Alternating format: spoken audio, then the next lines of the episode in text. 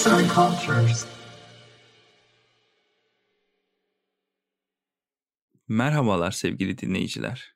Bugün sizlere Neden Güleriz adlı metni seslendireceğim. Keyifli dinlemeler. Bir espri karşısında neden güldüğümüzü ya da gülemediğimizi merak ettiğimiz zamanlar olmuştur. Mizahın oluşum sürecine dair birçok farklı düşünce vardır. Mizahın sınırları ise günümüzde çokça tartışılmaktadır. Peki mizah nasıl oluşur ve biz neye, kime ve neden güleriz? Bu sorulara cevap bulmak için bu yazıda gülme eylemlerine yönelik yapılan psikolojik, sosyolojik ve felsefi yaklaşımlar temel alınacaktır. Öncelikle Aristoteles, Platon ve Hobbes gülme işlemini üstünlük kuramı ile ilişkilendirmiştir.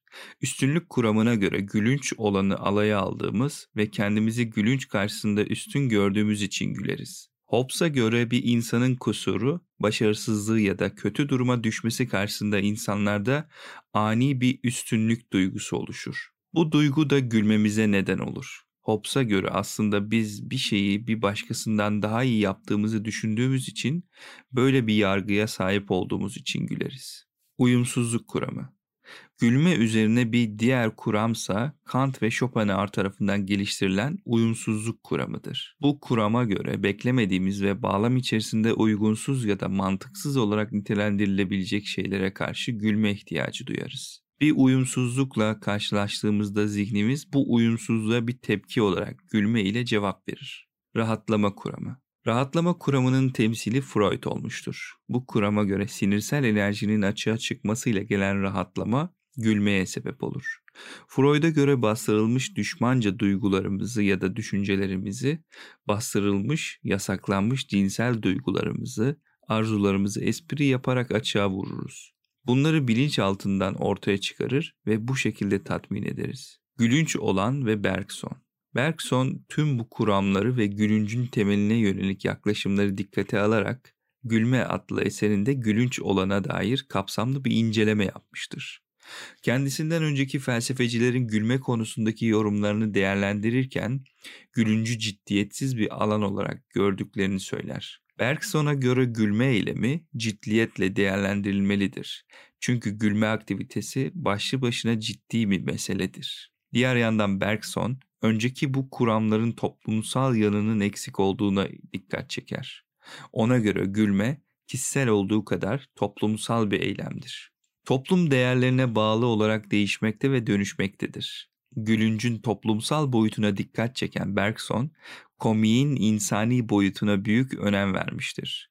Ona göre komik olan tümüyle insana dair bir olgudur. Bergson'un deyimiyle insan sadece gülen bir canlı değil, aynı zamanda güldürmesini bilen tek canlıdır. Bizim bir nesneye ya da bir hayvanın davranış ya da durumuna gülmemizin yani onların bizi güldürüyor olmasının temelinde bile bu davranış ya da durumun insandaki komik davranış ya da durumlarla benzer olması yer almaktadır. Dolayısıyla hayvanların kendilerine özgü hareketleri değil, insana özgü olarak nitelendirilen hareketleri yapabiliyor olmaları komiktir. İnsana özgü olanın komik olması da ayrıca soru işaretleri yaratabilir. Peki insana özgü olan şey neden komiktir? 1.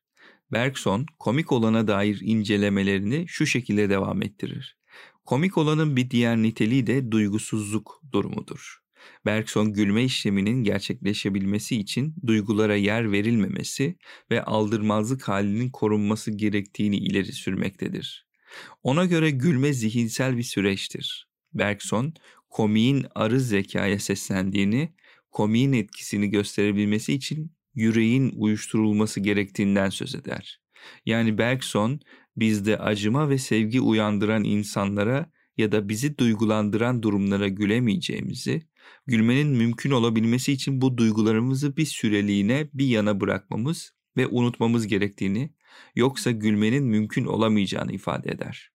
Bergson komik olanın önemli özelliklerinden birinin katılık olduğunu belirtir. Sokakta yürürken tökezleyip düşen birine gülmemizin temel sebebi katılıktır.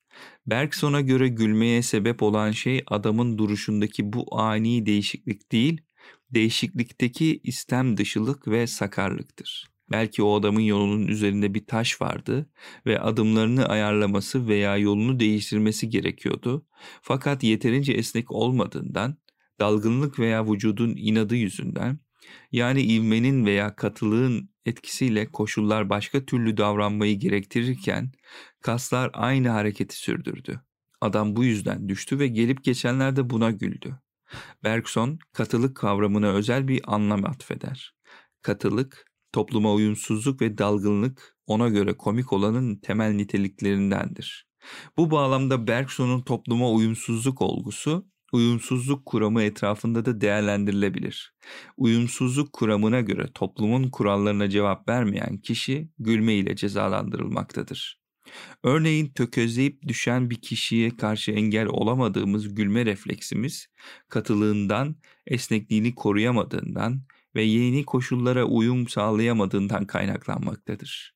Diğer taraftan uyumsuzluk kuramı baz alarak değerlendirildiğinde bu olayda bir anda devam etmesi gereken bir durum kesintiye uğramakta ve muğlaklık oluşmaktadır. Devamlı talep ettiği belirlilik yerine belirsizlik ve iktidarı kaybediş vardır. Yere düşünce ilerleyiş ve hakimiyet kaybedilir. 3. Son olarak Bergson dalgınlık niteliğini doğuştan gelen bir esnek olamama hali olarak ele alarak katılık ile birleştirmiştir. Dalgın karakterlerin komedi eserlerinde çokça yer bulmasının başlıca sebebi de budur. Aşk ve şövalye romanları okumayı alışkanlık edinmiş birini düşünelim. Roman kahramanlarının çekiciliğine kapılan Büyülenen bu kişi düşünce ve tasarılarıyla giderek daha çok bu kahramanlara meylediyor. En sonunda aramızda dolanan bir uyur gezere dönüşüyor. Gerçekten de bu hayalperest ruhlar, bu coşkulu hayalciler bizi güldürürken ezip bir şakanın kurbanı olan veya sokakta kayıp düşen kişinin dokunduğu aynı tele dokunurlar. Bizde aynı içsel mekanizmayı harekete geçirirler. Onlar da koşarken düşenler, işletilen naif kimselerdir pekala. İdeallerin peşinden gerçeklere takılıp tökezleyen ve hayatın sinsice kendilerine düzen kurduğu saf hayalcilerdir. Yani fiziksel ya da düşünsel olarak dalgınlıkta usta olan karakterler esneklik konusunda tecrübesiz olmak durumunda kalırlar.